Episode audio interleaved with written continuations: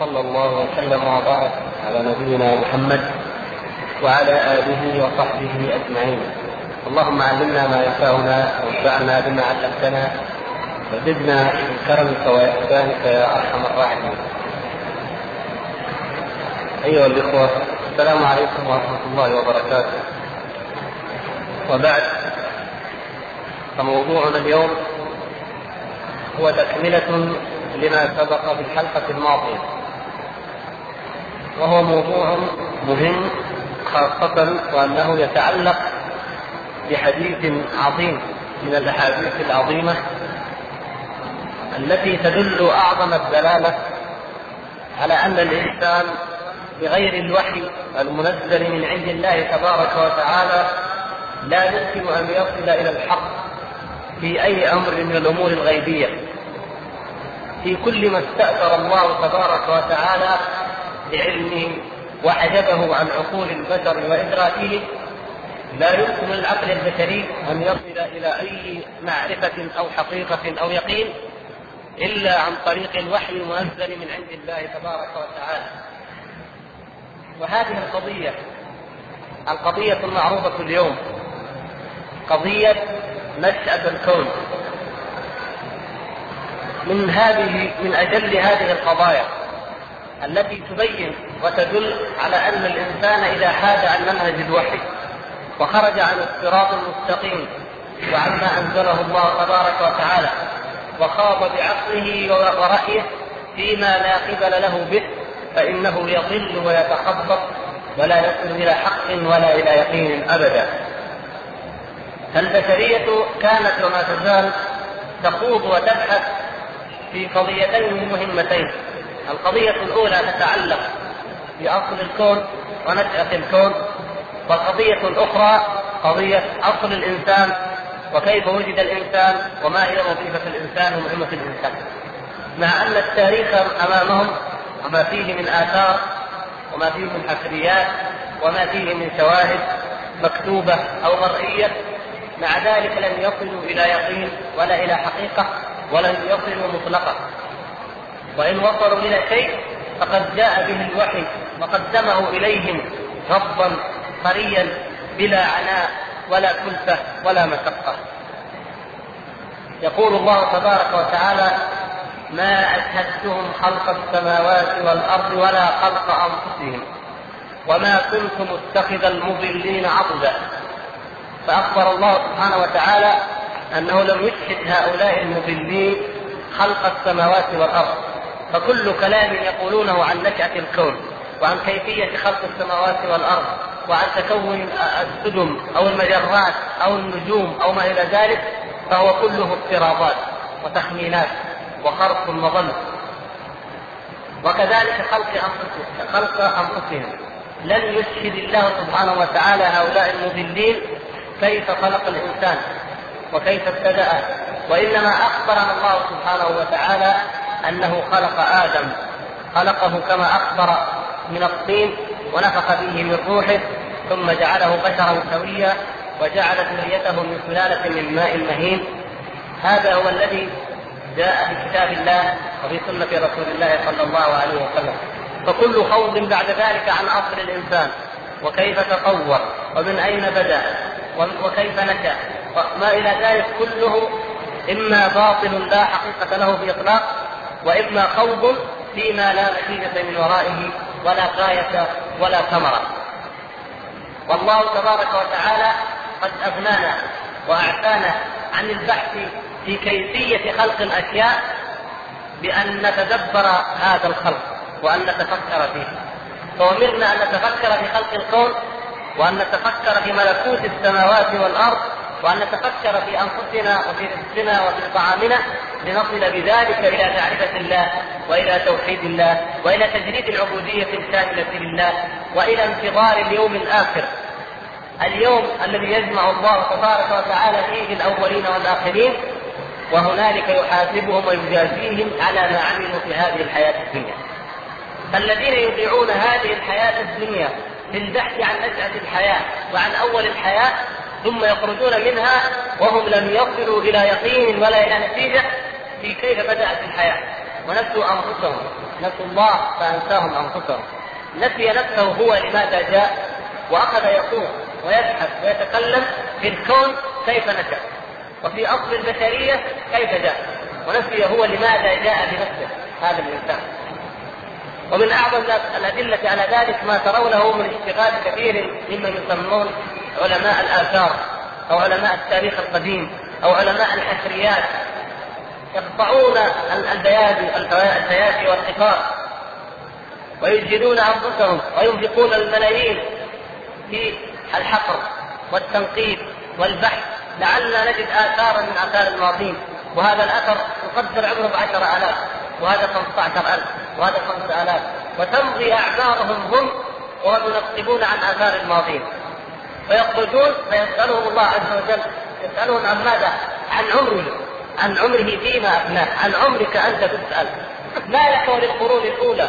علمها عند ربي. قل علمها عند ربي في كتاب لا يضل ربي ولا ينسى. عليك أن تعتبر بمصير هذه القرون. وعليك أن تستعد بإهلاك الله تبارك وتعالى لهذه القرون وهذه الأمم مع ما فيها من شدة قوة الخلق ومن الشدة ومن الفقر وأنهم أثاروا الأرض وعمروها أكثر مما عمروها وأنهم لما جاءتهم رسلهم بالبينات فرحوا بما عندهم من العلم مثل ما تفرح كل أمة من الأمم بما عندها من الحضارة وبما عندها من الثقافة وبما عندها من الفن وتعارف شرع الله وتعارف أمر الله. وتقول نظمنا وآدابنا وأخلاقنا وحضارتنا تغنينا عن اتباع شرع الله وتغنينا عن الاقتداء بالانبياء فلسنا في حاجة إليه من يقول لنا هذا حرام وهذا حلال. هذه نماذج هذا نموذج من نماذج كثيرة من الضياع والفراغ الذي يعيشه الإنسان بعيدا عن الوحي عن مصدر اليقين وعن مصدر المعرفة الذي هو الوحي إما ما ينزله الله تبارك وتعالى من كلامه وإما ما يقوله رسول الله صلى الله عليه وسلم الذي لا ينطق عن الهوى. فهذا الحديث العظيم حديث عمران بن حسين رضي الله تعالى عنه يبين لنا هذه الحقيقة لأنه كما اسلفنا وسبق الرسول صلى الله عليه وسلم فيه لم يتكلم ولم يخض في مسألة هل الكون هل هذا العالم خلق من مادة أو لم يخلق من مادة ولم يجيبهم عن أول المخلوقات بإطلاق ولا عن بداية مفعولات أو تأثير ومخلوقات قدره الله سبحانه وتعالى وخلق الله الذي خلقه من الأول. وإنما سأله وفد اليمن عن هذا العالم المشهود الذي يرونه ويعيشون فيه وأجابهم النبي صلى الله عليه وسلم عن أول نشاته وكيف خلقه الله تبارك وتعالى. بجواب لا يمكن أن يهتدي إليه أو يعرفه أي إنسان على الإطلاق إلا من يأتيه خبر السماء. الأمين الذي يأتيه خبر السماء صلى الله عليه وسلم. أما غيره فماذا قال ارسطو وماذا قال افلاطون وماذا قال أصحاب الحضارات والعلوم؟ يقول إن الله أو العلة الأولى خلق عشرة عقول ثم استراح ثم لم ينظر لم يعد ينظر في الكون لأنه كامل كما يقولون. والكامل لا يفكر بالناقص فترك العشرة العقول.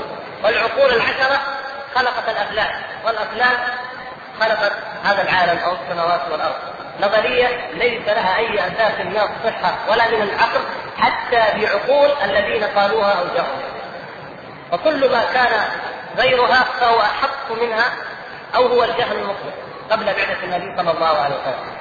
فأما هذا الرسول صلى الله عليه وسلم فلأنه لا ينطق عن الهوى ولا يتكلم من عنده وإنما فيما يوحي إليه ربه به فإنه أخبر كما في هذا الحديث بهذه الأمور الغيبية التي يتقاصر دونها علم البشر كائنا ما كان في أي زمان وفي أي مكان ولن يصل بإطلاق إلى أن يعرف هذه الحقائق أبدا. فأحببت أن أقدم بهذه المقدمة بين يدي الحديث لنعلم أن أهميته تتجاوز قضية معرفة هل الأصح هو حوادث لا أول لها أو أن الحوادث لها أول والمخلوقات لها أول لنعرف ما هو أكثر عبرة وأكثر عظة ونحن والشباب جميعا كما ترون نعيش في عصر تكاثرت فيه النظريات. عن الكون وعن الإنسان. وهذه الشبهات وهذه النظريات لم تعد حديثة أذهان الفلاسفة الذين كانوا يعيشون كما كان أرسطو وأفلاطون وأمثالهما. وإنما أصبحت مبسطة ومصورة ومقربة وتدرس في مناهج التعليم حتى في البلاد الإسلامية. وتقدم للناس على أنها حقائق وعلى أنها علم وعلى أن فيها كيف نشأ الكون وكيف نشأ الإنسان وكيف نشأت الحياة. لا أريد أن أنتقل في هذه القضية ولعلنا إن شاء الله بعد صلاة المغرب إن رأيتم ذلك نستعرض شيئا منها مما يبين بطلان أمثال هذه النظريات وأنه لا يجوز لنا أن نستسلم لها وأن نصغرها وأن نلقنها لأبنائنا وهي كلها خط عشواء وخرق وقول على الله تبارك وتعالى بغير علم. وإنما نشرح الحديث ونبدا من قوله رحمه الله وللناس قولان في هذا العالم لنتمم ما كنا قد بدأناه في الحلقة الماضية بإذن الله. الناس قولان في هذا العالم هل هما مخلوق من عبادة واختلفوا في أول هذا العالم له وقد قال تعالى وهو الذي خلق السماوات والأرض في ستة أيام وكان رسوله على الباب وروى البخاري وغيره عن إبراهيم رضي الله عنه قال قال ابو اليمن لرسول الله صلى الله عليه وسلم جئناك لنتفقه في الدين ولنسالك عن اول هذا فقالوا كان الله ولم يكن شيء قبله وفي روايه لم يكن شيء معه وفي روايه غيره وكان رسوله على الباب وكتب في الذكر كل شيء وخلق السماوات والارض وفي لفظ ثم خلق السماوات والارض فقوله كتب في الذكر يعني ذلك المذكور كما قال تعالى ولقد كتبنا في الزبور من بعد الذكر يسمى يسمى ما يسمى في الذكر ذكرا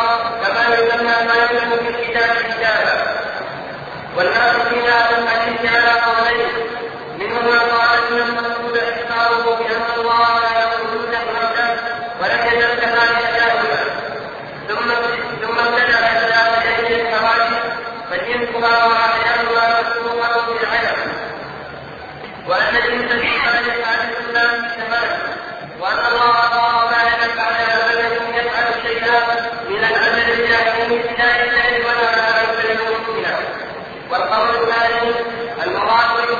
خلق هذا العالم المشهور الذي خلقه الله من ستة أيام ثم استوى على العرش كما أخبر القرآن بذلك في وفي صحيح مسلم عن الله بن عمرو رضي الله عنهما عن النبي صلى الله عليه وسلم أنه قال قدر الله تعالى مقامير الخلق قبل أن يخلق السماوات والأرض بخمسين ألف سنة وكان رسوله عن ذلك فأخبر صلى الله عليه وسلم أن تقدير هذا العالم المخلوق في ستة أيام كان قبل خلق السماوات بخمسين ألف سنة وأن عبد الله تعالى كان حين يتبع الإسلام دليل صحة هذا القول الثاني من الوجوه نترك الأدلة حتى نلخص أو نوجز ما قد سبق. قلنا أن هذا الحديث رواه الإمام البخاري والإمام أحمد وأن البخاري رحمه الله رواه في كتاب بدء الخلق في أول كتاب بدء الخلق وكذلك رواه في كتاب التوحيد. وتكلمنا أيضا بشأن الروايات واختلافها في ذلك وأن الراجح منها هو رواية قبله ولم يكن قبله شيء لأنها الموافقة للقرآن بقوله تعالى هو الأول والآخر والظاهر والباطن والموافقة لقول النبي صلى الله عليه وسلم اللهم أنت الأول فليس قبلك شيء. وهي التي رواها الإمام أحمد رحمه الله تعالى في المسند. هذا بالنسبة للروايات بالنسبة للزيادات التي زيدت في هذا الحديث. المبتدعة الذين ينكرون علو الله تبارك وتعالى على عرشه من الجهمية ومن تابعهم ينكرون علو الله سبحانه وتعالى بأي شيء؟ بأدلة وهمية بتخرصات تخيلوها من عند أنفسهم فلما فاجأهم أهل السنة ردوا عليهم وأسحبوهم وألزموهم بالآيات الصريحة الواضحة من كتاب الله سبحانه وتعالى كقوله تعالى الرحمن على العرش استوى وغيرها من آيات الاستواء وهي سبع آيات ذكر فيها استواء الرحمن سبحانه وتعالى على العرش فضلا عن آيات العلو فضلا عن الأحاديث فإن أكثر صفة من صفات الله عز وجل أو من أكثر صفات الله عز وجل التي دل عليها العقل والنقل والفطرة بما لا يحصى ولا يعد من الأدلة هي صفة العلو علو الله سبحانه وتعالى عن جميع المخلوقات. فيتبعد صفة الحياة لأن الحياة لا شك أن من يؤمن بالله فهو يؤمن بأنه حي تبارك وتعالى. فهي من أخص الصفات بعد ذلك بكونها تشهد لها الفطرة السليمة دون تعليم ولا تقييم. جاء هؤلاء فمن أدلتهم العقلية التي استدلوا بها على أهل السنة قالوا أنتم تقولون إن الرحمن استوى على العرش فهو إذا عال على جميع المخلوقات قالوا قبل أن يخلق العرش كيف كان؟ ونحن نقول إنه هو الآن على ما عليه كان. يقولون هكذا هم. نقول قبل أن يخلق السماوات والأرض كيف كان؟ ما كان في جهة في علو فهو الآن على ما عليه كان وإلا نجد يلزمكم يا أهل السنة أنه لما خلق السماوات والأرض تغير وكان له لم يكن له جهة وأصبح له جهة هذا اسمهم وما كانوا يفترون وتقولهم على الله سبحانه وتعالى بغير علم ليردوا كتاب الله ويردوا سنة النبي صلى الله عليه وسلم. هذا الكلام لما كان مقولا نظريا ورأيا مجردا لم تقبله العقول ولم تستسقه آه، قلوب أهل السنة الذين طالبوهم بالأدلة والذين يتكلمون بالأدلة من كتاب الله ومن سنة رسول الله. فما كان من بعض كذابيهم إلا أن وضعوا هذه الزيادة وهو الآن على ما عليه كان وبعضهم يرويها كحديث مستقل يقول كان الله ولا مكان وهو الآن على ما عليه كان وهذه زيادة مكذوبة لم يقولها النبي صلى الله عليه وسلم ولم تصح في أي كتاب من كتب الحديث وعلى كثرتها وكثرة انتشارها في كتب المتأخرين والمتقدمين فإن أحدا منهم لم يخرجها ولم يقل لنا رواها فلان ثم نبحث عن ذلك في سندها وإنما هي كلمة قول قيل ليس له أصل على الإطلاق وليس له إسناد على الإطلاق لا صحيح ولا ضعيف وإنما ألصقت بهذا الحديث أو جعلت حديثا مستقلا ونسبت إلى رسول الله صلى الله عليه وسلم وهي في الأصل مقولة منسبية تختلف هذا الافتراض الذي قلناه وهو أن العالم أنه يقول آه، إن الله تعالى يجل ويتعالى عن التغيير أو التغير لأجل شيء من المخلوقات فهو الآن على ما عليه كان قبل أن يخلق المخلوقات واذا لزمكم أن تقولوا إنه لما خلقها تغير من أجلها فانتقل من من لا مكان إلى مكان أو من اللا جهه إلى الجهة. هذه واحدة والأخرى اختلاف الأقوال أقوال الناس في هذا الحديث على مذهبين أو على قولين. القول الأول أن هذا الحديث هو إخبار عن أن الله تبارك وتعالى كان وحده لا شيء معه، لا شيء غيره في إطلاق من المخلوقات لا جنسها ولا عيانها. ثم أنه ما يزال كذلك دائما كما يقولون إلى إيش؟ ثم ابتدأ خلق السماوات والأرض، ثم ابتدأ فخلق هذا الكون المشهود وبذلك يكون أول المخلوقات هو إما العرش وإما القلم على ما سبق أن اوضحناه وعلى ما رجحنا في الحلقة الماضية من أن العرش هو أول هذا الكون المشهود المسؤول عنه، لكن هم لا يقولون بان هذا هو الكون المشهود. أو المسؤول عنه هذا الكون المشهود يقولون هو الأولوية هنا مطلقة في إطلاق أول شيء وجد وبعده لم يكن إلا العدم المحض بالنسبة للكون، عدم المحض والله تبارك وتعالى وحده لا شيء معه لا شيء غيره باطلاق.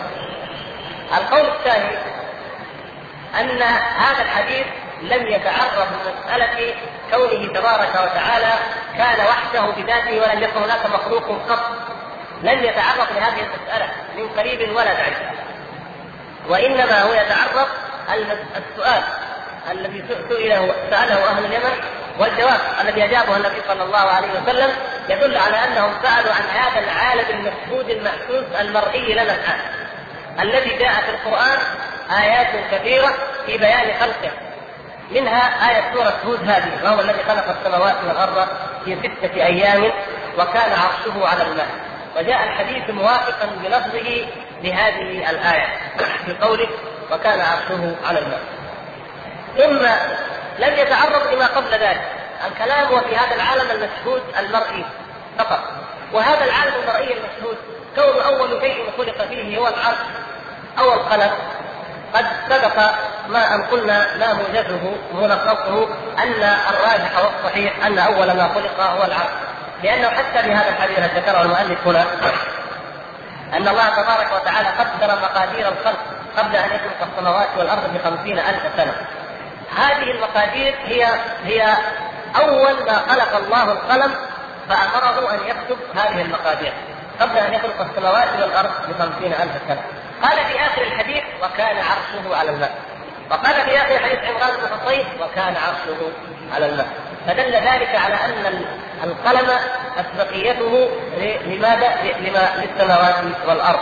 وأما العرش فإنه هو والماء سابقان لوجود القلم. وهذه المسألة عليه الحال لا تهم كما بينا في قليل أو كثير فإنما هي مجرد مسألة علمية تعلم لكن الذي يهم هو أن نفهم خطأ من انتقد شيخ الإسلام ابن تيمية في هذه المسألة وقال إنه يقول إن العرش أول المخلوقات بينما القلم هو أوله. من وجهين؟ الوجه الأول أن الراجح أن أول المخلوقات هو العرش أي من هذا العالم المشهود كما اسلفنا الآن والوجه الثاني أن شيخ الإسلام ابن تيمية يقول كما في شرح هذا الحديث وهو حديث عمران بن حصين في مجموع الفتاوى يقول وكذلك في منهاج السنة الجزء الأول يقول لا يوجد ما مخلوق لا يوصف مخلوق لأنه الأول مطلقا على جميع المخلوقات. الاولويه مقيدة بماذا؟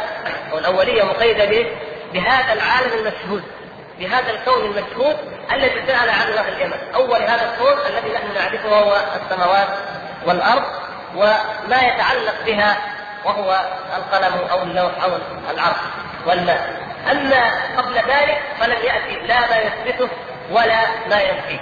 ونعود إلى القضية الأولى التي سبق تقريرها بأكثر من مرة وهي قضية أنه سبحانه وتعالى بصفاته ازلي خالق ورازق وقدير بما لا بداية له؟ فاثار هذه الصفات ومفعولاتها تظهر في مخلوقات يخلقها سبحانه وتعالى في حوادث يسيرها تبارك وتعالى لا علم لنا بها ولا نستطيع أن ندركها لكننا لا ننفيها أيضا. لا ننفيها ليس في العقل ولا في الدين ما يكفيها وإنما نؤمن بأنه سبحانه لم يكن قبله شيء هذا هو الذي نؤمن به كما هي الرواية الراجحة المختارة. ثم يشرع المؤلف رحمه الله تعالى في بيان الأدلة الدالة على صحة هذا القول الثاني.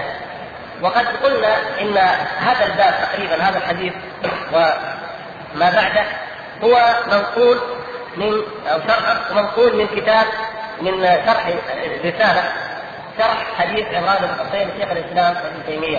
طبعت مع مجموعة الرسائل والمسائل وطبعت في الجزء الثامن عشر أيضا من مجموع. الفتاوى. وهذه الأوجه هي بعض ما ذكره شيخ الإسلام. هناك بتوسع وتفصيل أكثر فمن أراد الاستزادة فليراجعها هناك. دليل صحة هذا القول الثاني من الوجوه.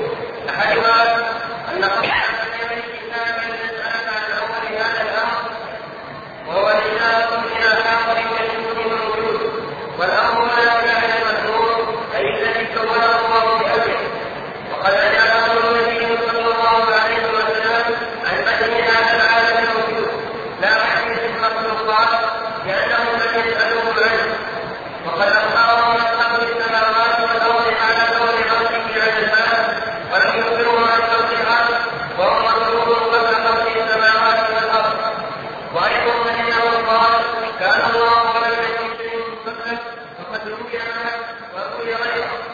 والمسجد كان واحدا فعلم انه قال ان الابصار والاخران رؤيا المعنى ولفظ الخلق ثبت عنه في غير هذا الحديث ففي حديث مسلم عن ابي هريره رضي الله عنه عن النبي صلى الله عليه وسلم انه كان يقول في دعائه اللهم انت الأول فليس قبلك شيء الحديث والله الا رجلا يثبت ما تجدونها في موضع اخر ولهذا كان كثير من أهل الحديث انما يميل إلى القلب كالحميد والبراوي والمؤلف واذا كان كذلك لم يكن في هذا اللفظ تعارض لابتداء الصلاه ولا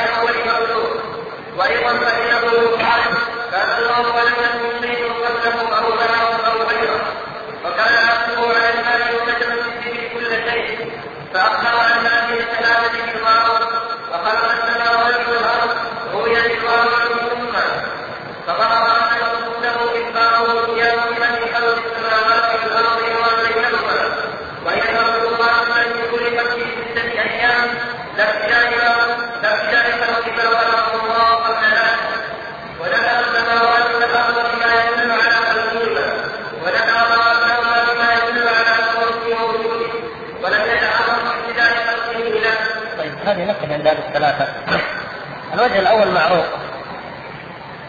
بدأ أهل اليمن الحديث أو كلامه للنبي صلى الله عليه وسلم بقولهم يا رسول الله جئناك لنتفقه في الدين ولنسألك عن أول هذا الأمر كيف كان.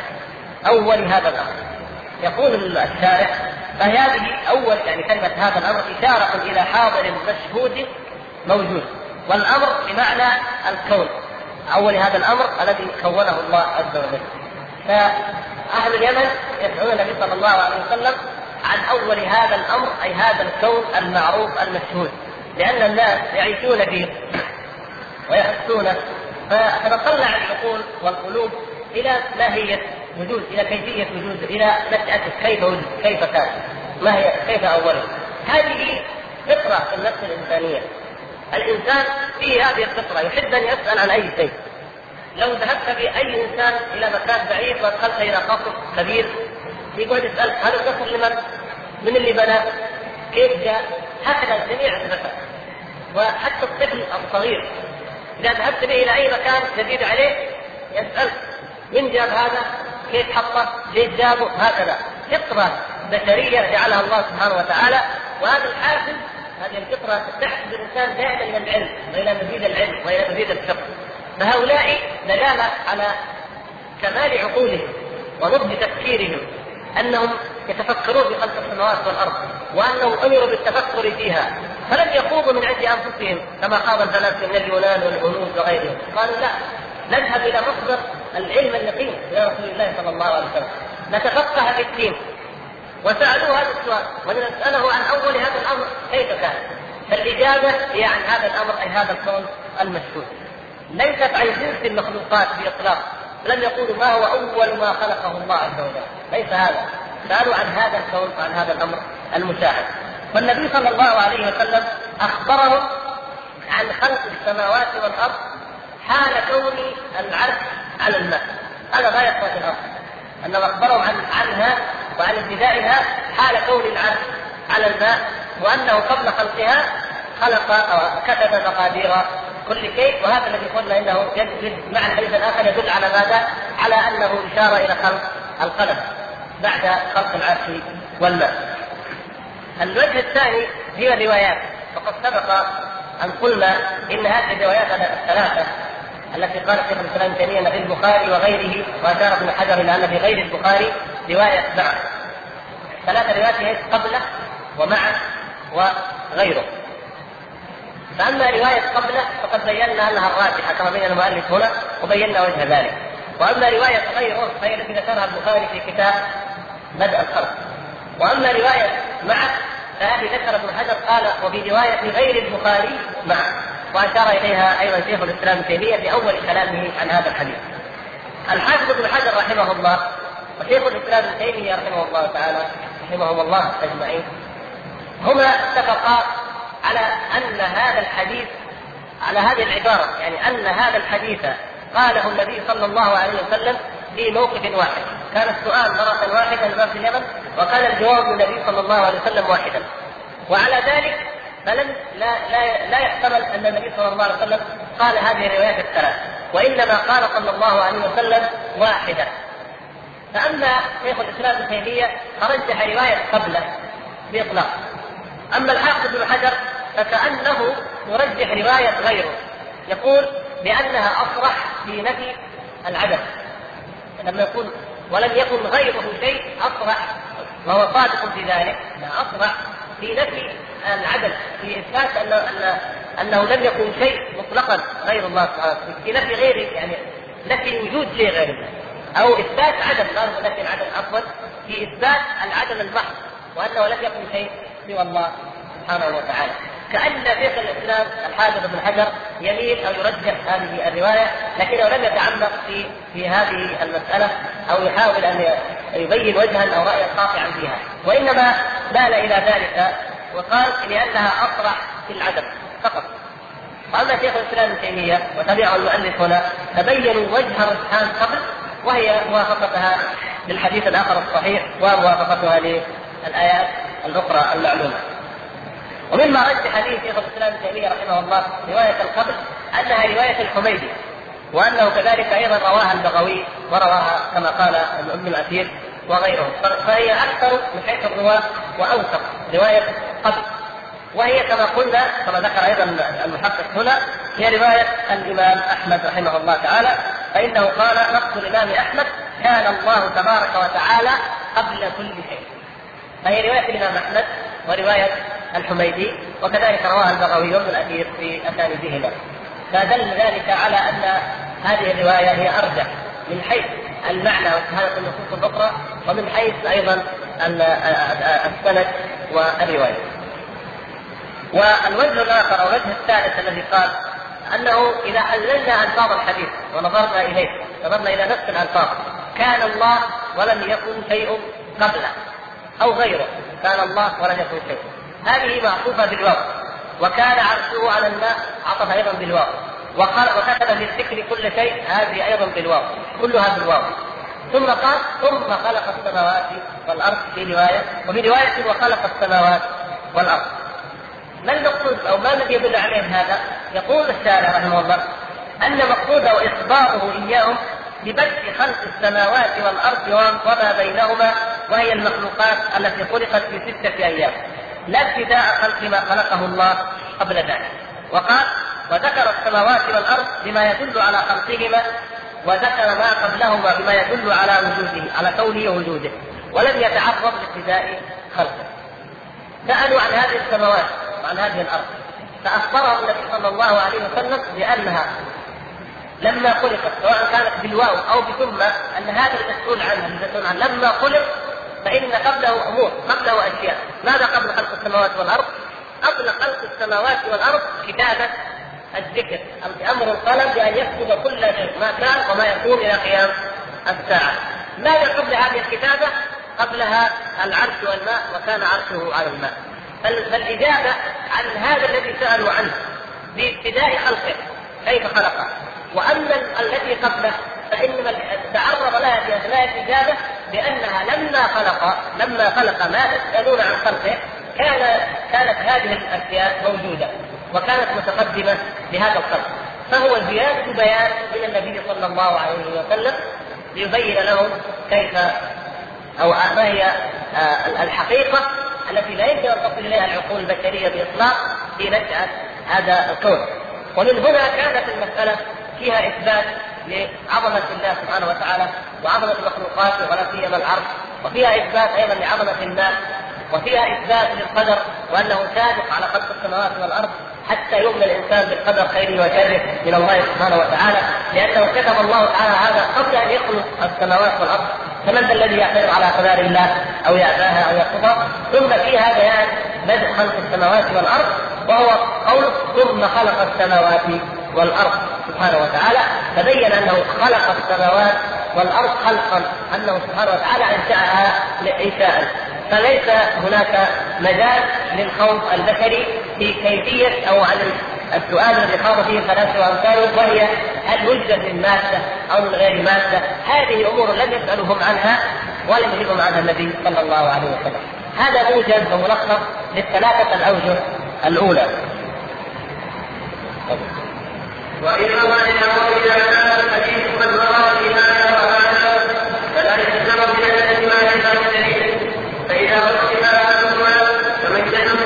ஒன்றை என்ன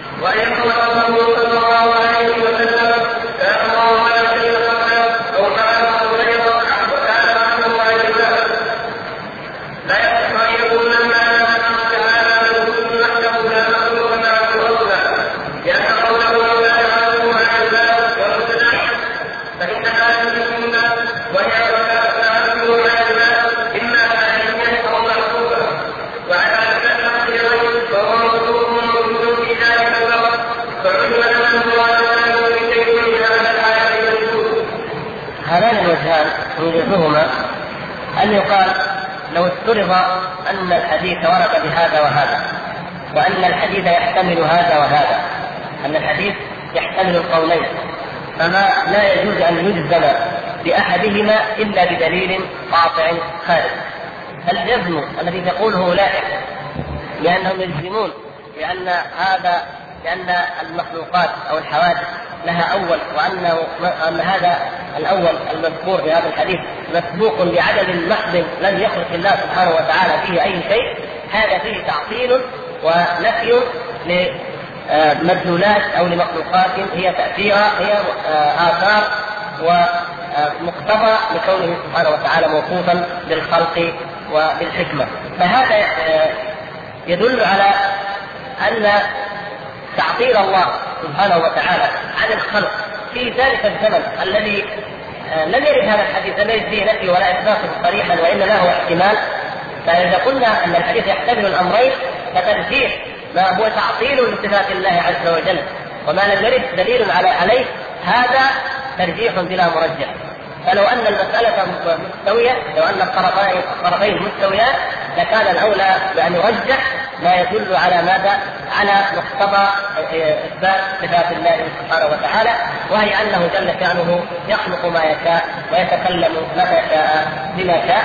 وإذا قلنا إنه يتكلم فمعنى ذلك أنه له مخلوقات كما سبق بيانه وكما هو بقوله تعالى ألا له الخلق والأمر فإن كلمات الله سبحانه وتعالى الكونية التي ينشئ بها المخلوقات هذه لا حصر لها ولا تتناهى كما سبق أن بينا ذلك في الحلقة الماضية فإن الله سبحانه وتعالى يقول للشيء كن فيكون فلن فلا نقول إنه كان ممتنعا بل كما يقولون كان الكلام مستحيلا عليه ثم ابتدأ الكلام فقط عندما أراد أن يخلق السماوات والأرض وأما قبل ذلك فكان الكلام ممتنعا عليه وكان الخلق ممتنعا عليه ثم انتقل الحال من الامتناع الذاتي إلى الامكان الذاتي كما يقولون بلا دليل وبلا مرجح فلو لم يكن في الأمر إلا أن يتوقف الإنسان في هذه المسألة ولا يرجح شيئا لكفى. اما أن يجزم بالوجه المرجوح المتضمن لتعطيل صفات الله سبحانه وتعالى فإن هذا خطأ. الدليل الآخر من الوجوه الأخرى ذكرها شيخ الإسلام وذكرها الشارح هنا أن قوله صلى الله عليه وسلم كان الله ولا شيء قبله وكان عرشه على الماء. لا يصح أن يفهم بمعنى أنه تعالى كان موجودا ولا مخلوق معه بإطلاق. لا يصح أن يفهم هذا الحديث لأن المقصود به أنه تعالى كان موجودا ولم يكن شيء غيره موجودا بل كان العدم المحض لأن قوله وكان عرشه على الماء. تحتمل هذه الجملة أن تكون مجرد عطف الواو هذه واو عطف لكن هل تحتمل أن العطف هو فقط على إطلاقه عطف كان الله ولم يكن معه شيء.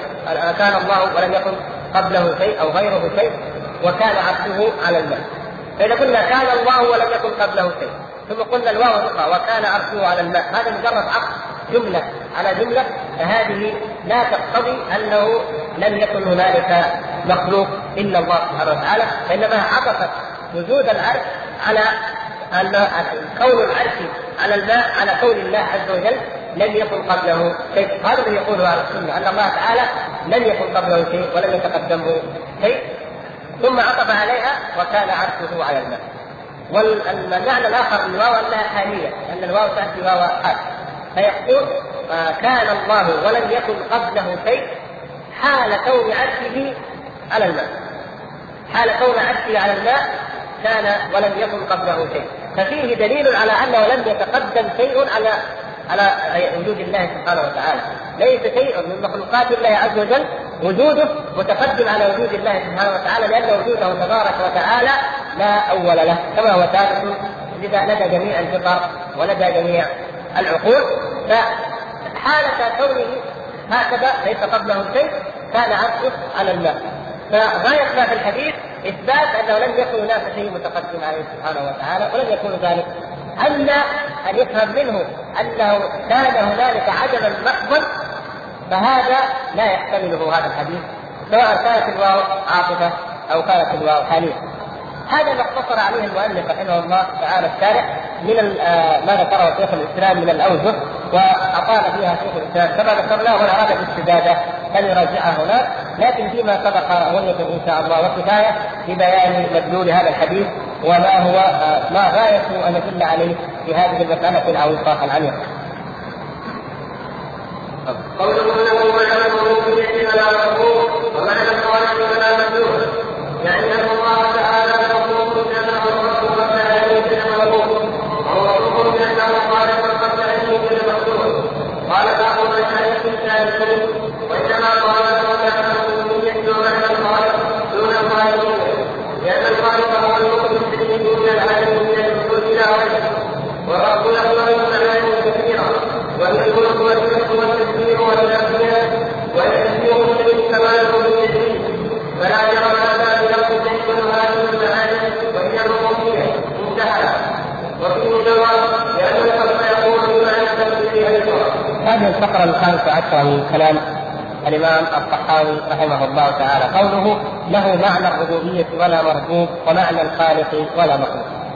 والإمام أبو جعفر الطحاوي رحمه الله مثل بقية علماء السلف إذا قرأت كلام الإمام أحمد أو الإمام مالك أو ابن الناجشون أو الفضيل أو آه، أي عالم من علماء المسلمين الذين تكلموا في الصفات أو في غيرها يأتون بالبيان المشرق واللفظ الواضح الجلي والكلام الموجز.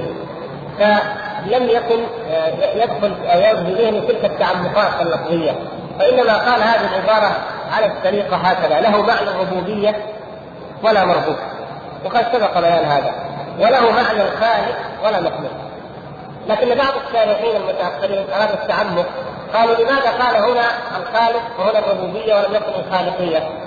قال لأن الربوبية لها عدة معاني الحفظ والملك والتدبير يعني وهكذا. فالرب الرب له يعني عده معاني فلما قال معنى الربوبية يعني أراد المعنى الإيجاد من العدم و عفوا أنا إنما قال لأن الخالق هو المخرج بالشيء من العدم، الخالق الذي يخرج الشيء من العدم. الرب الرب له عده معاني، المالك أو المتصرف أو السيد أو نحو ذلك من المعاني. قالوا فإذا كلمة الرب لم يستخدمها مفردا، وقال معنى الرب، الرب يطلق على المالك على الحافظ لكن قال الربوبية. وأما الخالق فجاء به مفردا لأن معناه المخرج من العدم. رد الشارع رحمه الله بكلمة بسيطة ولكنها يعني كافية رد قال إن الخلق أيضا له معاني منها التقدير. الخلق يطلق بمعنى التقدير كما انه يطلق بمعنى الإنشاء والابتداء من العدم. فاذا ليس في كلام الشارع المؤلف الإمام جعفر الصحابي رحمه الله ليس في كلامه ما يدل على أنه تعمد ان يفرق بين هذا اللفظ وذاك وإنما هو كلام خرج على سجيته وعلى فطرته دون ان يقصد به معنى اخر. بغض النظر عن هذا التفريق اللفظي المعنى معنى هذه الفقرة الخامسة عشرة لا يخرج عن معنى الفقرة الرابعة عشرة والثالثة عشرة في الجملة وقد سبق بيان هذه التفصيل. وكذلك الفقرة الثالثة عشرة هي على نفس المدلول وإنما هي تكرار أخي على طريق الحق هنا منتصف الشريف. انما هم يموتون كالقرون كما ترون تنقضي الاجيال وراء الأجيال. جعله الله سبحانه وتعالى خلائق في الأرض ينقضي الدين ويخلقه دين. ولم يبعثهم الله سبحانه وتعالى للبعث والحساب جميعا. ولهذا كان من اعتراضات المشركين؟ تاتوا بآبائنا ان كنتم صادقين لماذا لم يكن اباؤنا؟ لماذا لم يبعثوا؟ لم يبعث آباؤنا ما دمنا سنبعث. الله سبحانه وتعالى رد عليه يقول إن الأولين والآخرين لمجموعون إلى ميقات يوم معلوم فالله عز وجل يحيي هذه الاجيال جيلا بعد جيل ثم يجمع الأولين والآخرين ويحيي الموتى سبحانه وتعالى ومع ذلك نصفه الآن ونقول محيي الموتى قبل أن يحييهم فكذلك نصفه سبحانه وتعالى بأنه الخالق قبل أن يخلق هذا الكون وقبل أن يخلق السماوات والأرض هذا هو المقصود والمراد أنه سبحانه وتعالى موصوف بصفات الكمال في الأجل لم يزل متصلا بها سبحانه وتعالى حتى قبل أن يخلق هذا هذه الأعيان المسدودة المرئية له. يقول فكذلك يطلق انه قال قبل خمسين الزاما للمعتزله فمن قال بقولهم كما حكينا عنه فيما تقدم وتقدم عنده انه تعالى لم يكن يفعل ما يشاء تقدمت المسألة وهي أن الخلق مرتبط بماذا؟ أو متعلق بالإرادة. وكذلك الكلام كلامه سبحانه وتعالى متعلق بالإرادة. فالمعتزلة والرافضة وأمثالهم خالفوا في في الإرادة في إرادة الله في الفعل. واما الاشعري وكذلك في الكلام وأما الأشعرية فإنما خالفوا في الإرادة فقط.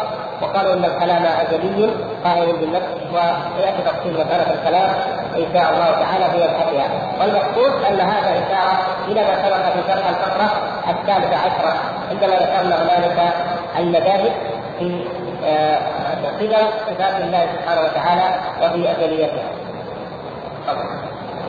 قوله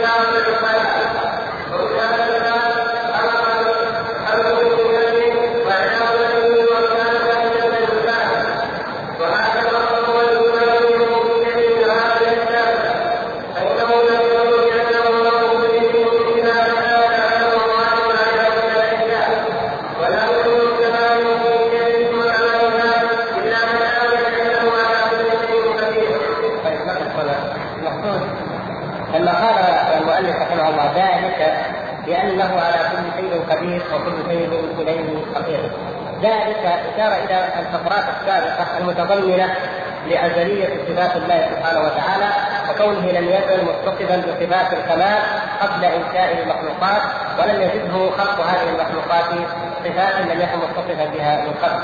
ذلك بأنه على كل شيء قدير. يقول الشارح أن كلمة كل أن الكلام عليها سيأتي في مبحث الكلام. في شمول معنى كلمة كل أو عدم شموله المراد بذلك إشارة إلى أن كلمة كل تستخدم وتطلق في اللغة العربية على عموم العموم.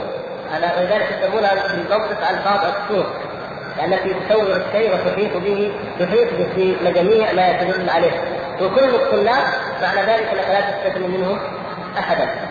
كل الناس معنى ذلك أنك لا تستثني منهم أحدا ولكنها أيضا تأتي أحيانا لعموم مقيد لا يعني العموم المطلق من كل وجه ولهذا لما جاء المعتزلة وغيرهم الذين ناظروا الإمام أحمد رحمه الله في مجلس آه، الخليفة لما قالوا له يا أحمد أليس القرآن شيء؟ قال بلى قالوا أليس الله تعالى يقول الله خالق كل شيء؟ قال بلى قالوا اذا القرآن مخلوق فالزمهم الامام احمد ورد عليهم لماذا؟ لأن هذه كلمه كل هنا ليست كل بمعنى الإطلاق فقال أليس الله سبحانه وتعالى كذا مما قال الإمام أحمد أوليس الله تبارك وتعالى يقول في الريح التي أرسلها على عاد تدمر كل شيء بأمر ربها فهل دمرت السماوات؟ هل دمرت الأرض؟ هل دمرت الرمال؟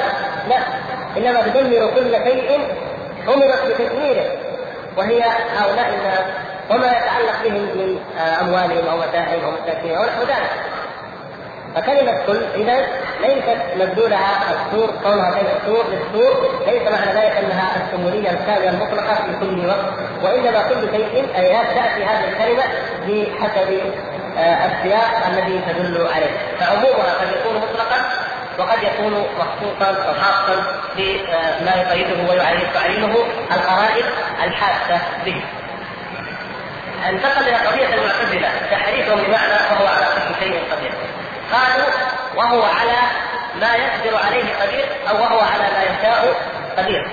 ومقصودهم بذلك أنه لا يشاء أفعال العباد القبيحة أفعال المخلوقات ومعاصي العباد أن الله لا يشاءها كما سبق ببحث الإرادة قال وهو على ما يشاء قدير ولا يقدر على كل شيء لأنه حتى لا يدخل أفعال العباد هذه وقالوا هو وهو على كل شيء مقدور له قدير.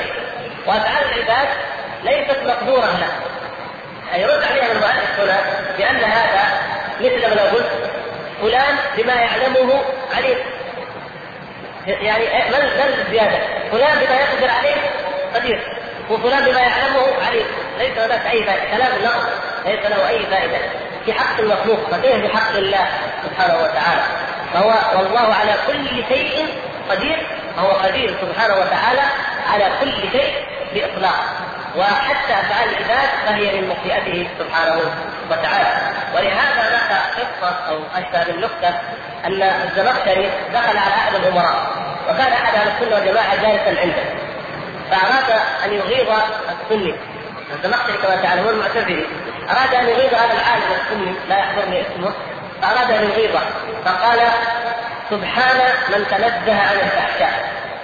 أنا ابحث لو سمع الواحد منا يقول الله خير يذكر الله عز وجل. هذا الخبيث له رب سبحان من تنزه عن الفحشاء يعني لا ننسب أنه خلق أفعال العباد المعاصي والأفعال السيئة.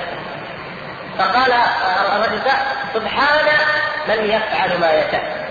سبحان من يفعل ما يشاء. لا أحد يحس سبحانه وتعالى. فالجمه وأسحبه لأنه سبحانه وتعالى يفعل ما يخلق الشر كما يخلق الخير سبحانه وتعالى. وذاك ينزله عن أن يكون خالقا للشر بينما هو يفعل ما يخلق الخير ويخلق الشر فافحمه افحاما يعني سريعا وبنفس اللحظة وعلى نفس السجعه هذا توفيق من الله عز وجل.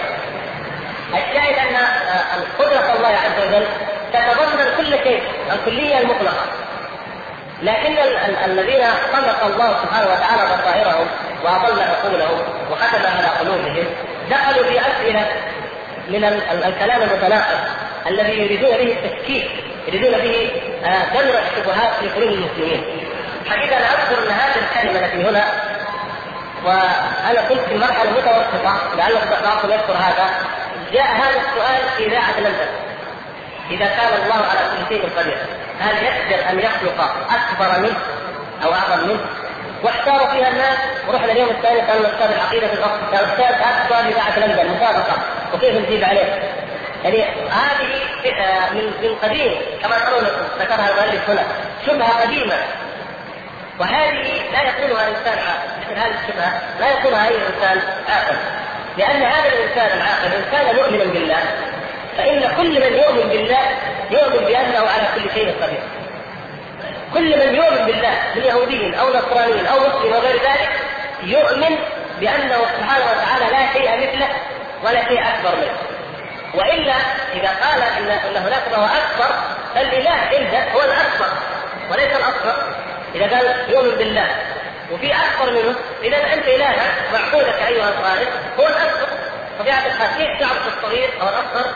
مع وجود الاكبر فهم يقولون وحتى المعتزلة وأمثالهم يقولون وجود مثيل لله من المحال واجب الوجود كما يقولون واحد لا يتعدى وجود مثيل له هذا من المحال مما يحيله العقل.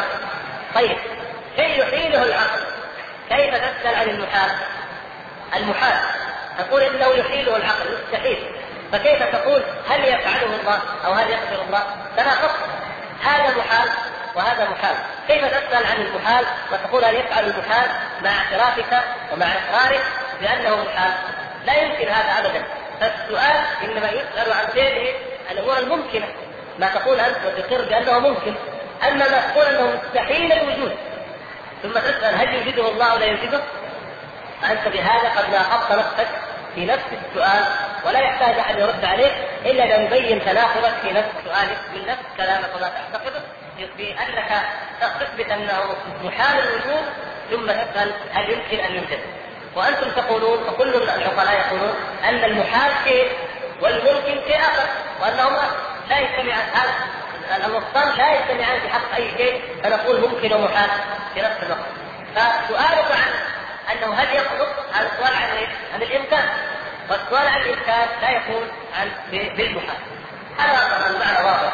وهذا كما يقول انه هذا الشيء يعني هذه من فلسفات الفلاسفه وتمويهات آه، الصفصفائيه الذين يريدون أن يلبسوا على المسلمين وعلى العوام بامثال هذه الفلسفات التي لا أصل لها ولا حقيقة لها.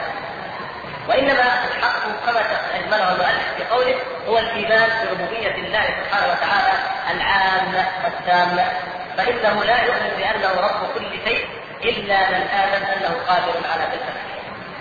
من من قال إنه رب كل شيء يجب عليه أن يؤمن بانه رب جميع هذه الأشياء سبحانه وتعالى. فما دام ربها فهو خالقها سبحانه وتعالى. وكذلك لا يؤمن بتمام ربوبيته وكمال علم من آمن بكمال قدرته سبحانه وتعالى والمعتزله حينما يخرجون شيئا عن قدرة الله سواء كان فعل الشر أو عن أفعال العباد أو غير ذلك فإنهم ينتقصون من قدر الربوبية ليس فقط من القدرة وإنما ينتقصون من الربوبية فكأنه ليس رأسا لما أخرجوه عن قدرته سبحانه وتعالى وإلا ما دام هو رب هو رب كل شيء كما تقولون فإذا كلها تخضع لقدرته سبحانه وتعالى ويبقى قضية الشيء ما هو؟ هل هو هل يسمى المعدوم شيئا؟ هل يسمى المحال شيئا عندما نقول على كل شيء قدير؟ أو لا هذا ما يذكره في الفقره التي بعدها. وانما كلام الوقت المعلوم ممكن بل هو شيء من بعده والتحقيق ان المعلوم ليس بشيء في القائل المعرفه ولكن الله يعلم ما يكون قبل ان يكون ويكتبه ومن يذكره ويخبر به قوله تعالى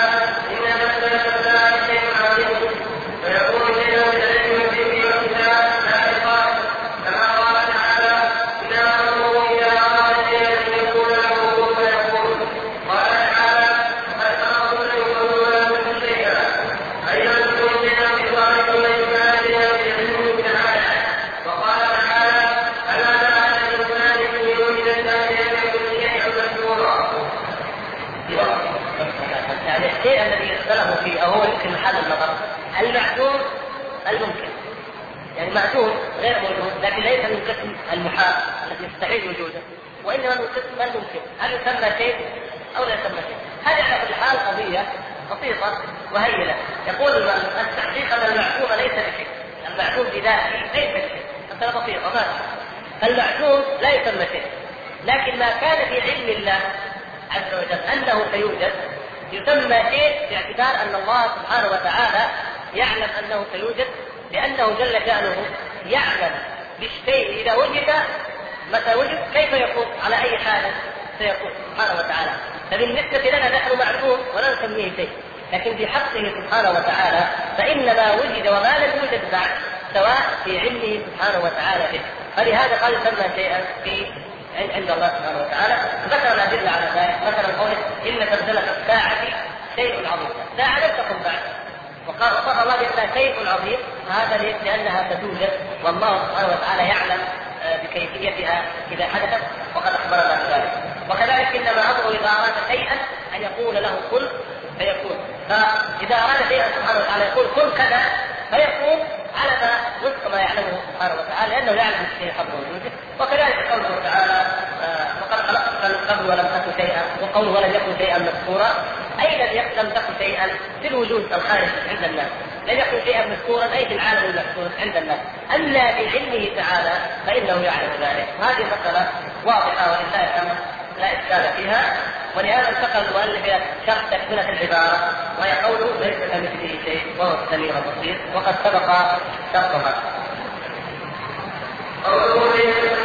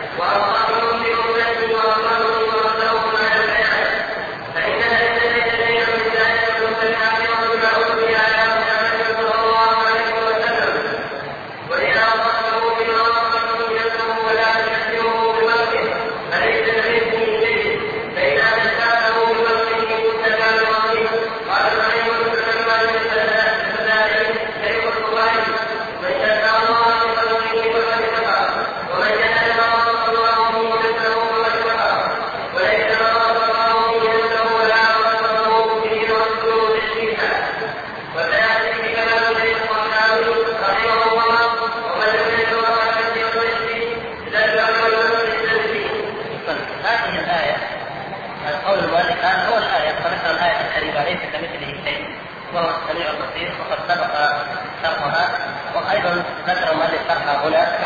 كما تعلمون أنها من الأدلة القطعية العظيمة الدالة على صحة مذهب أهل السنة والجماعة. فإن قوله تعالى ليس كمثله شيء رد على المشبهة وقوله وهو السميع البصير رد على المعطلة.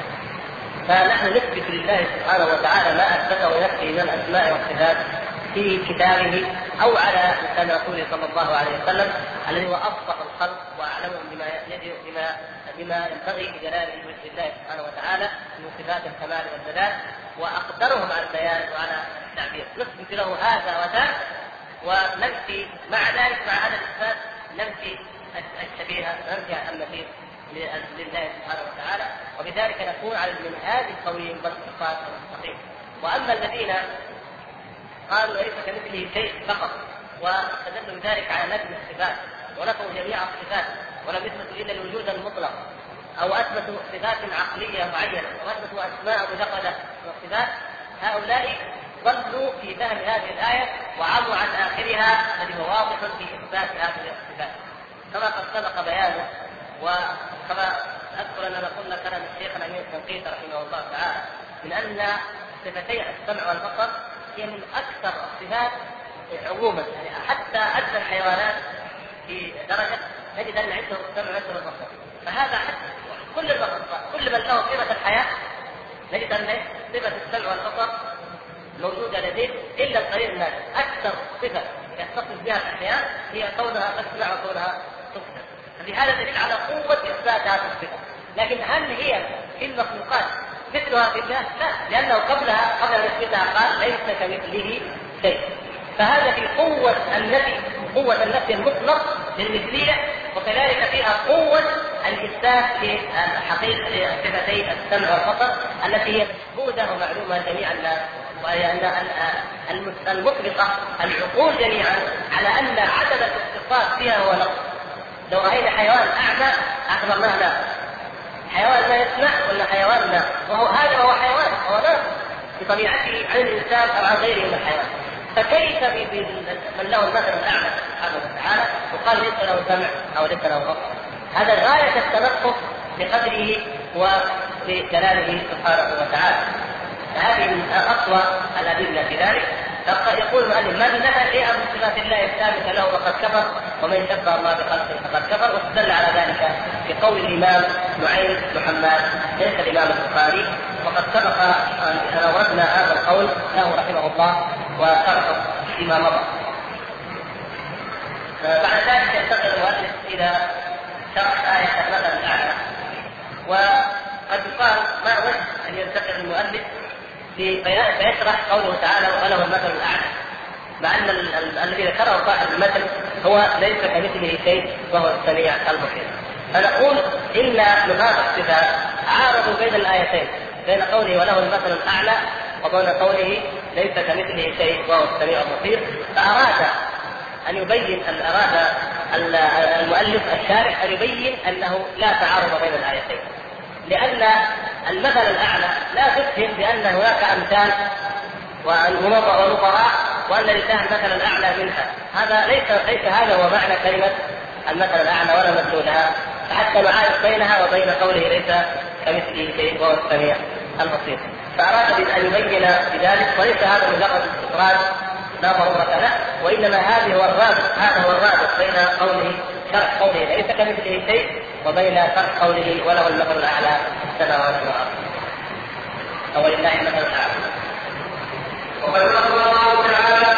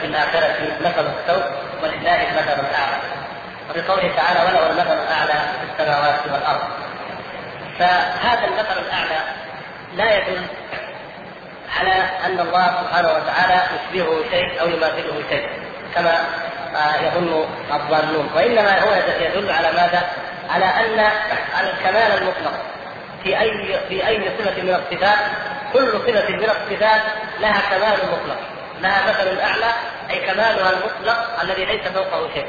مثل ما نقول في العلم مثلا هذا إنسان عالم وهذا إنسان اعلم وهذا كذا. لكن المثل الاعلى من له المثل الاعلى في العلم هذا علم الله سبحانه وتعالى هو الذي ليس مثله علم وليس أعلى منه أي علم. ولذلك أحيانا يستخدم في كلام البشر. يعني المثل الاعلى في الشيء بمعنى أنه الذي ليس فوقه غاية بالنسبة إلى هذا الشيء وليس فوقه شيء. فمجرد الوصف يوجد يوجد أوصاف عند المخلوقين. عند المخلوق قدرة عنده علم عنده حياة عنده سمع عنده كذا لكن المثل الأعلى الكمال المطلق الذي لا نقص فيه على الإطلاق في هذه الصفات هو لله سبحانه وتعالى. فهذا يتضمن أن نثبت لله سبحانه وتعالى كل صفة كمال. أي صفة يكون عدم إثباتها نقص لله عز وجل فيجب أن نثبتها لله لانها لأنه هو الذي له المثل الأعلى سبحانه وتعالى. فأي كمال يعني يقتضي بال الانسان في أن يصل به أي أحد فإن الله سبحانه وتعالى هو المتصف بغاية هذا الكمال وفيه في كل هذا الكمال ولا يشاركه فيه أي إنسان أو أي مخلوق غير الله سبحانه وتعالى من العالمين فهو وحده له الكمال الأعلى لأن له المثل الأعلى. وأما الذين من دونه الذين يؤمنون بالاخره فلهم مثل السوء.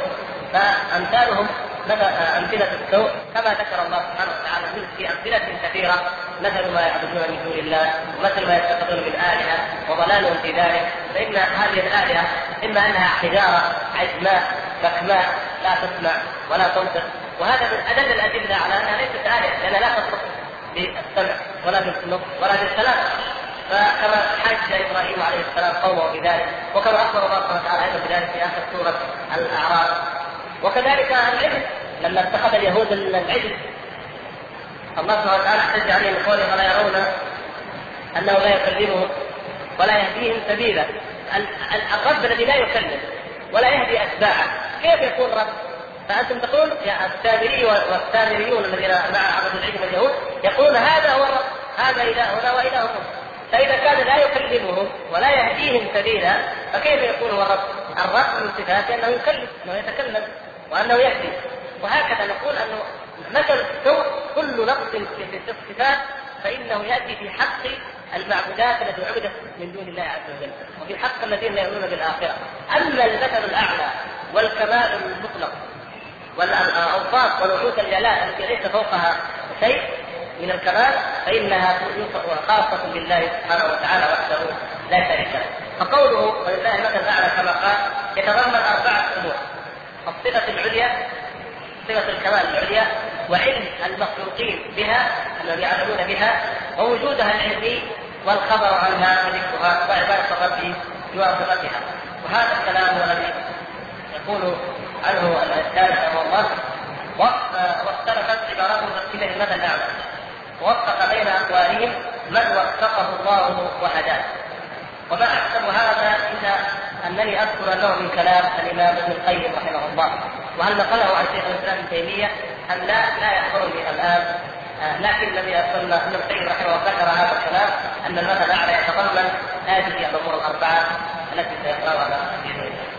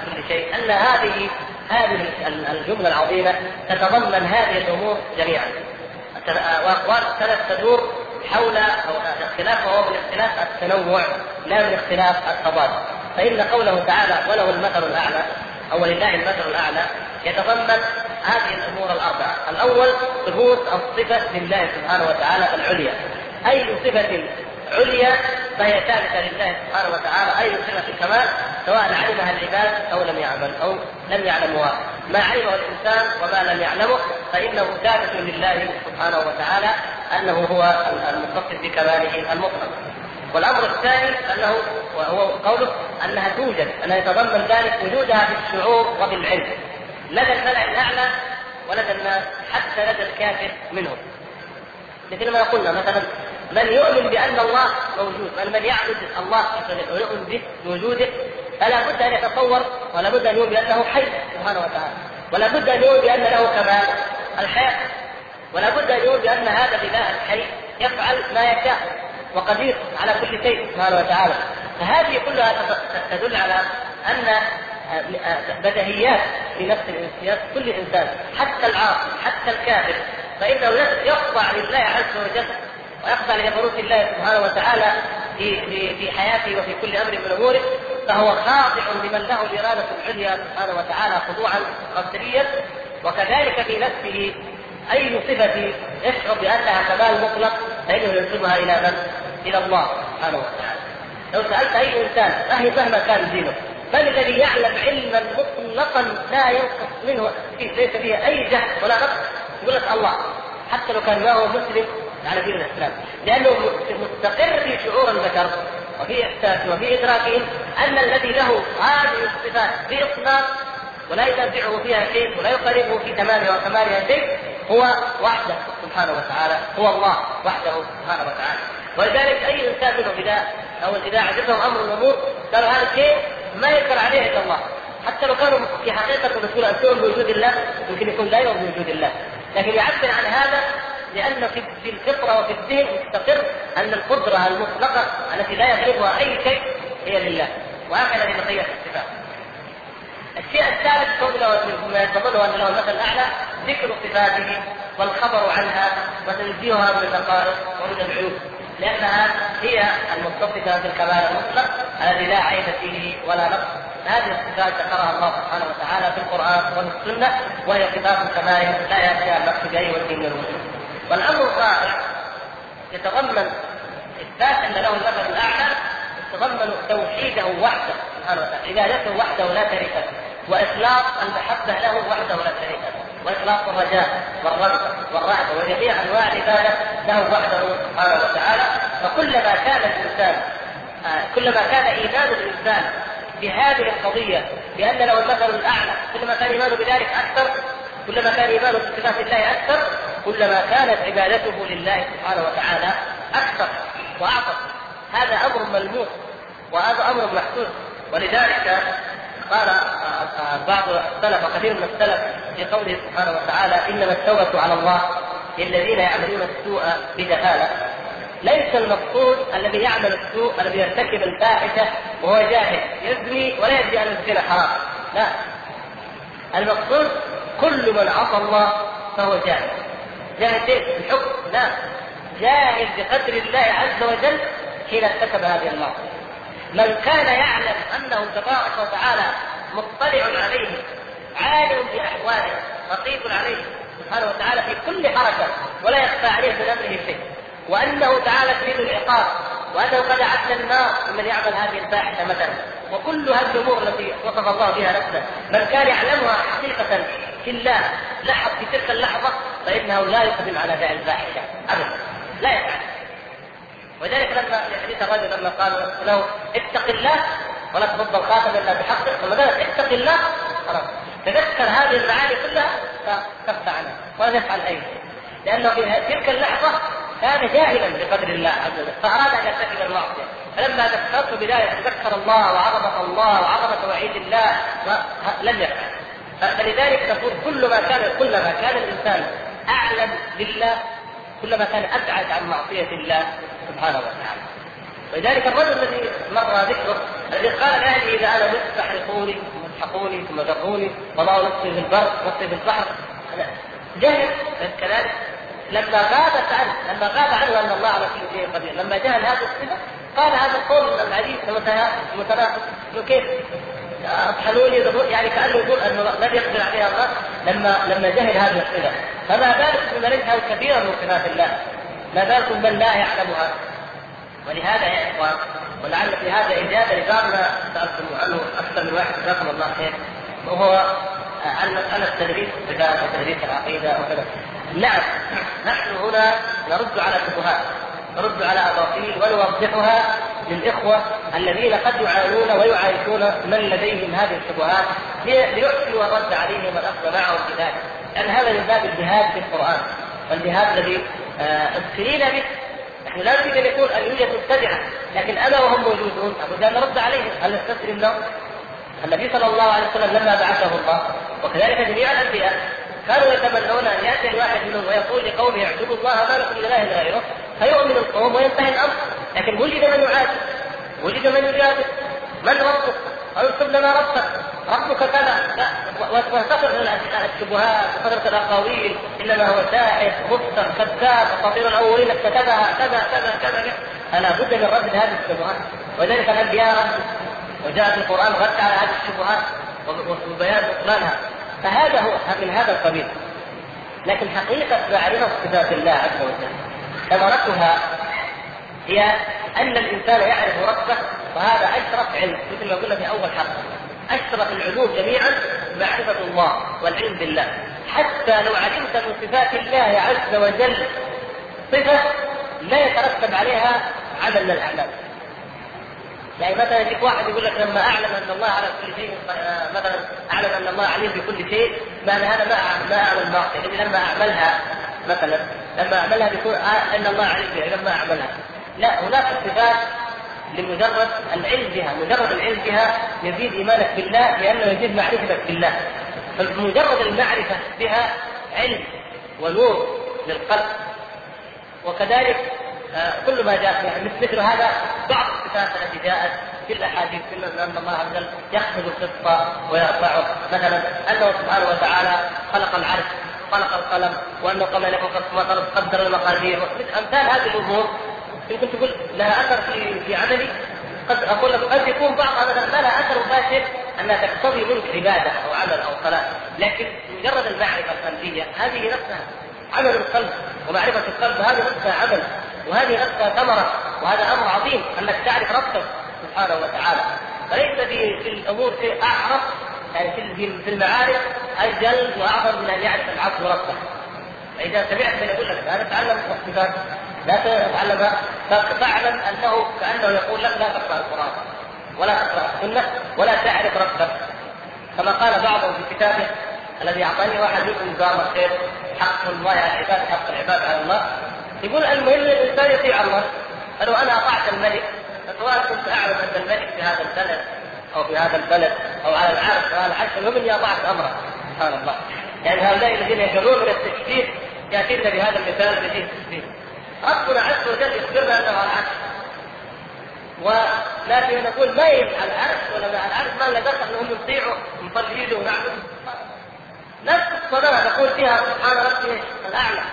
طب واحد ما يعمل على العرش. على كيف؟ يعني سبحان الله. يعني الصلاة نفسها مرتبطة بالإيمان مرتبطة بالاسماء والصفات هل أنا خوف اني الغي من باب داعي الجانب في كتاب الله؟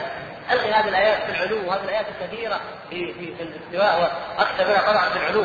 ألغيها كلها وبالمهم اني اصلي له المهم اني اصوم له. سبحان الله. أنا لا أعرف حقيقة. أنا عرضت عن العلم الأكبر عن الفقه الأكبر كما سماه الإمام أبو حنيفة وهو معرفه الله. وأقول ما يهم دام أنا أعمل في الفقه الاصغر اللي هو الأحكام والحلال والحرام. يعني هذا لا نستطيع فيه لأن نريد أن نكمل إن شاء الله هذه الفقرة. إنما المقصود أنه آه، قوله سبحانه وتعالى ان المثل الأعلى ومعرفه هذا المثل الأعلى واثر ذلك في توحيد العبد وفي إخلاص العبودية لله. ولذلك من عارض بين قوله تعالى وله المثل الأعلى وبين قوله ليس كمثله شيء هذا هو من أظن منه كما قال المؤلف. ليس هناك أحد أظن منه.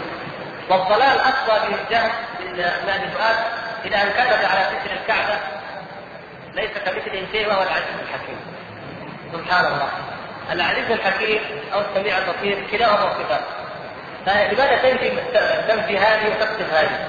وهذه التي جاءت في القرآن يقول عن نفسه السميع البصير. وتغيرها بايه أخرى أنت عندك حتى تقول هذه فيها تشبيه. طيب والعزة والحكمة أيضا عند البشر مثل ما ان السمع والبصر ولكنه الضلال والافتراء والبهتان. كما قال الآخر أيضا ولست اني أحق من المصحف قوله تعالى نعوذ بالله من الضلال كان أحد المعتزلة يقول لما يقرأ سورة تبت يدا لهب يريد أن يحكها قال ليه؟ قال لأنها نزلت على ابي لهب وابي لهب موجود وفيها أنه من أهل النار فكان هذا تعجيز هل يؤمن إذا آمن يصير كيف القرآن يعني موجود إنه في النار هو آمن وإذا آمن كيف؟ ما تدري ما أدري يحل هذا الاشكال طيب كيف يا أخوي كيف ما فهمته؟ ما عرفت تحله؟ إيش أمرك الله؟ فاسالوا أهل الذكر أمرك الله سبحانه وتعالى. فقال الذكر. يقول لا أنا ما ادري تحل المشكلة